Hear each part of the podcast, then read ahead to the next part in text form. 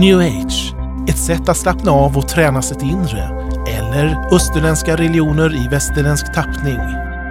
Gunilla Svensson besöker ofta new age-mässor och inre harmonimässor runt om i landet och möter människor där som söker efter inre harmoni.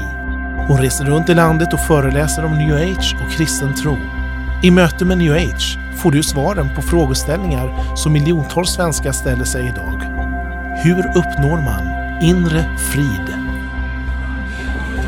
Ja du Gunilla, nu sitter vi på café här igen.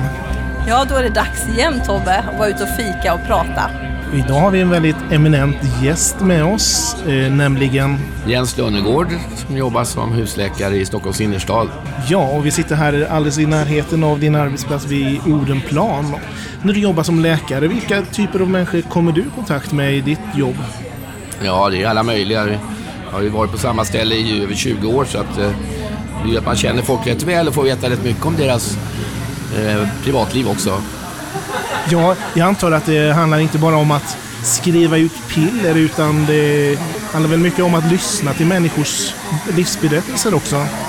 Ja, absolut. Eh, Lyssnandet är ju helt centrala i kommunikationen, liksom att man, man kan eh, nå varandra. Eh, Det är ju själva centrum i arbetet. Och vi talar ju här om new age och nyandlighet. Talar människor om sånt också med dig? Ja, det händer. Jag, jag minns en patient som var väldigt fast i det här med horoskop.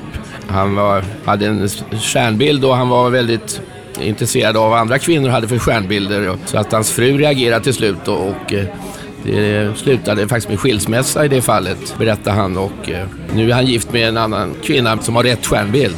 Ja, jag tänker också på en kille som hade såna här eh, rockstjärnor på väggarna i sitt sovrum med, med satanistiska inslag. Och han sökte för sömnsvårigheter. Och eh, det tog lite tid innan vi, innan vi kom fram till det att han hade de här bilderna men eh, jag först bara ska plocka bort dem där och då började han sova mycket bättre. Jag tänker på det om du uppmuntrar som läkare att sända dina patienter på yoga och mindfulness, om de efterfrågar sånt och hur tänker du kring det? Ja, Jag är väldigt skeptisk till de här eh, österländska teknikerna. De öppnar ju upp ofta för, för andliga, eh, en andevärld som man inte riktigt kan hantera eller kontrollera. Yoga kan ju tyckas oskyldigt men, men det är ju inte bara fysiska övningar utan det är ju också en religion som finns bakom som man öppnar upp för. Vet människor om det? För jag menar, nu är ju yoga i tiden, mindfulness är i tiden. Vet de om att det är andliga terapier och filosofier bakom eller får du berätta det eller hur? Nej, det är många som är helt eh, ovetande om det. Utan det får man ju meddela och, för, och förklara för folk att, att det finns risker med, med de här teknikerna som man inte ska underskatta. Vad erbjuder man istället då om, istället för yoga om de är trötta, utbrända och sådär? Det finns ju mera vanlig eh, samtalsbehandling, kognitiv beteendeterapi och, och sådana här vetenskapligt utprovade metoder då, som kan hjälpa folk. Och sen är det så att det finns en existentiell eh, dimension i det hela så, så kan man ju även hänvisa dem till en präst där de kan få kristen meditation eh, och verklig bönhörelse. Och dina läkarkollegor, hur ser de på det här liksom? Har de, håller de med dig i det här eller har ni schismer emellan er kring sånt här? Vi har väl haft lite diskussioner. Det var någon som föreslog att vi skulle ha mindfulness på någon internat eh, med hela mottagningen men, men det lyckades jag förhindra den gången. Hur ska man då ställa sig som kristen om man jobbar inom sjukvården till sådana här mindfulnesskurser och yogakurser och olika saker som man kan erbjudas ge till sina patienter? Ja, vi får ju mycket sådana erbjudanden från landstinget och, och, men eh, jag brukar så långt jag eh, är mäktig avråda från det med tanke på, på de avigsidor som finns med de här teknikerna. Vad säger man om det kommer en patient som har hört talas om yoga? Jag skulle vilja ha yoga utskrivet som, eh, vad heter det för någonting?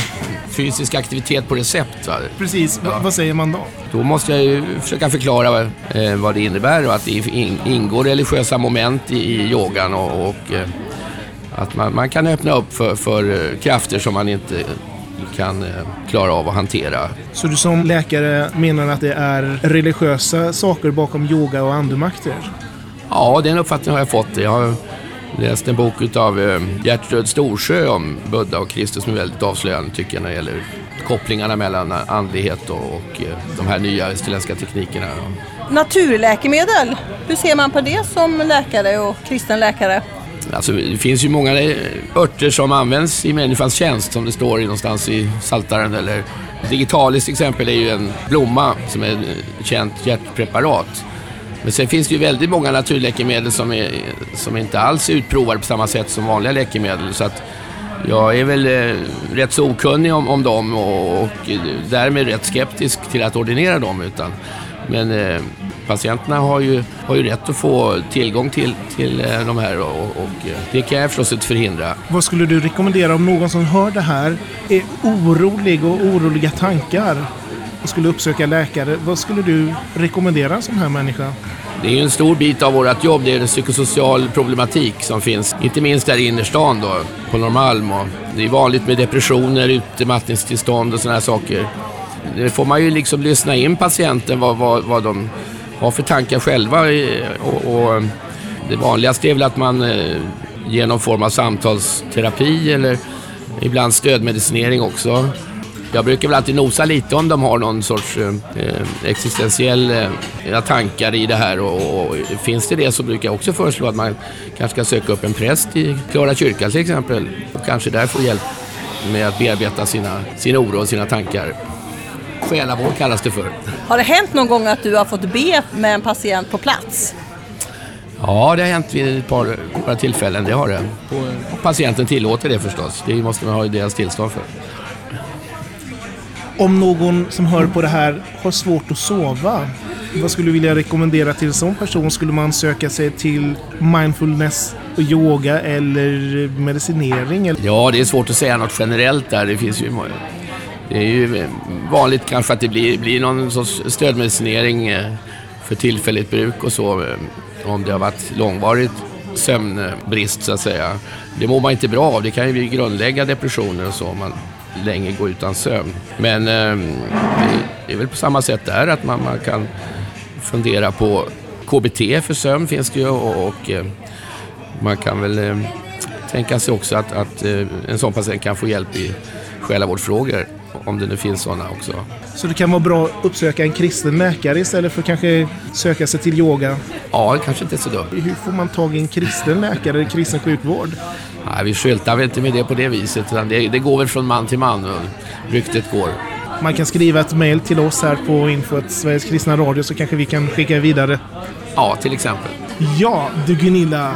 Vi sitter här med någon annons framför oss. Vad är det där? Kan du berätta vad vi ser? Ja, jag har hittat en hemsida här som eh, handlar om holistic eh, synsätt inom hälsokostindustrin skulle man kunna säga. Är det någonting som du känner till, Jens, holistiskt? Ja, det, begreppet holistiskt finns inom allmänmedicin och, och eh, det symboliserar då eh, våran syn på människan som i mitt fall då både kropp, själ och ande. Ett holistiskt övergripande synsätt. Kan du berätta lite mer vad det står i annonsen här om holistisk Gunilla? Ja, jag läser lite på om deras filosofi. Holistic vill verka till att förbättra hälsotillståndet genom ökad förståelse för orsakerna till sjukdom, hur de kan undvikas och elimineras samt informera om livsstilen och kostens betydelse för hälsan och välbefinnande. Eh, och sen står det också, holistisk målsättning är att hjälpa människor att utvecklas både hälsomässigt, personligt och andligt. Står det här. Och det står också att de vill verka, verka för att överbrygga klyftan mellan skolmedicin och alternativmedicin genom förståelse för det goda i båda systemen och förena dessa system. Nej, där får man vara lite försiktig. Vaksam. Vaksam. I, inte rädd, men alert. Nej, precis. Och de pratar också om esoterisk kunskap och det pratade ju Sandra om i ett avsnitt. Mm, förra veckan. Ja. Nej, för två veckor sedan. Loggan här på bilden är en triangel med eldsflammor som strävar uppåt. Det står så här att eh, hela loggan symboliserar, då kommer vi in lite på buddhismen känns det som. Det handlar om energier, energicentra som stora kraftstationer. Det är väl eh, vanligt i buddhismen med, med att de, man ska frigöra de slumrande krafterna i människan. Då. Man letar efter gudarna i människan. Va? Baksidan med det är ju att eh, om människan är gud, då behöver hon ju ingen frälsare ingen återlösare. Varför har man sådana här grejer då tror du inom hälsokosten och varför tar man upp det här där? Ja, det gäller att marknadsföra sig på olika sätt. Det är mycket pengar i den här branschen. Stort geschäft med hälsokost. Och så kommer man till dig och då säger du att vad ska man göra istället? Jag skriver ju inte ut naturmedel i första hand utan eh, jag håller mig till mer västerländsk medicin då som är vetenskapligt utprovad och så. Men, men, idag så har ju patienterna rätt att få eh, tillgång till naturläkemedel så att det är ju svårt att förhindra men man kan ju upplysa om att man själv inte har någon högre tankar om vissa, vissa preparat kanske utan att det är onödigt att lägga en massa pengar på dem utan i många fall hålla sig till eh, traditionell medicin då. Men samtidigt så vet vi som du sa förut att örter och ja, växtriket är bra för kroppen och vi behöver äta ja, de här. Visst, ja. visst, jag förnekar inte att det finns en kärna av sanning i många, många huskurer och sånt här. Men, men man får ändå be, ta det med lite nypa salt. Och vi talar i den här programserien om att uppnå inre frid. Jens, hur uppnår man inre frid? Ja, jag har gjort det genom att överlämna mitt liv åt, åt Jesus. Jag har fått mina synder förlåtna och, och förlitar mig på Jesu död och uppståndelse för mig det ger mig en oerhörd trygghet även i, i eh, arbetet med mina patienter. Om någon vill ha inre frid och följa ditt råd, hur gör man om man överlämnar sig till Jesus? Hur går det till?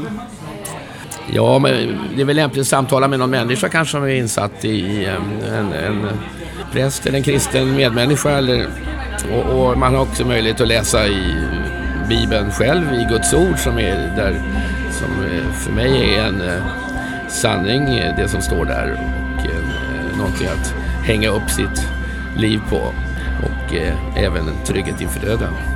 Du har lyssnat på Möte med New Age med Gunilla Svensson. Har du frågor eller funderingar kring det du hört är du välkommen att kontakta oss på info sverigeskristnaradio.se.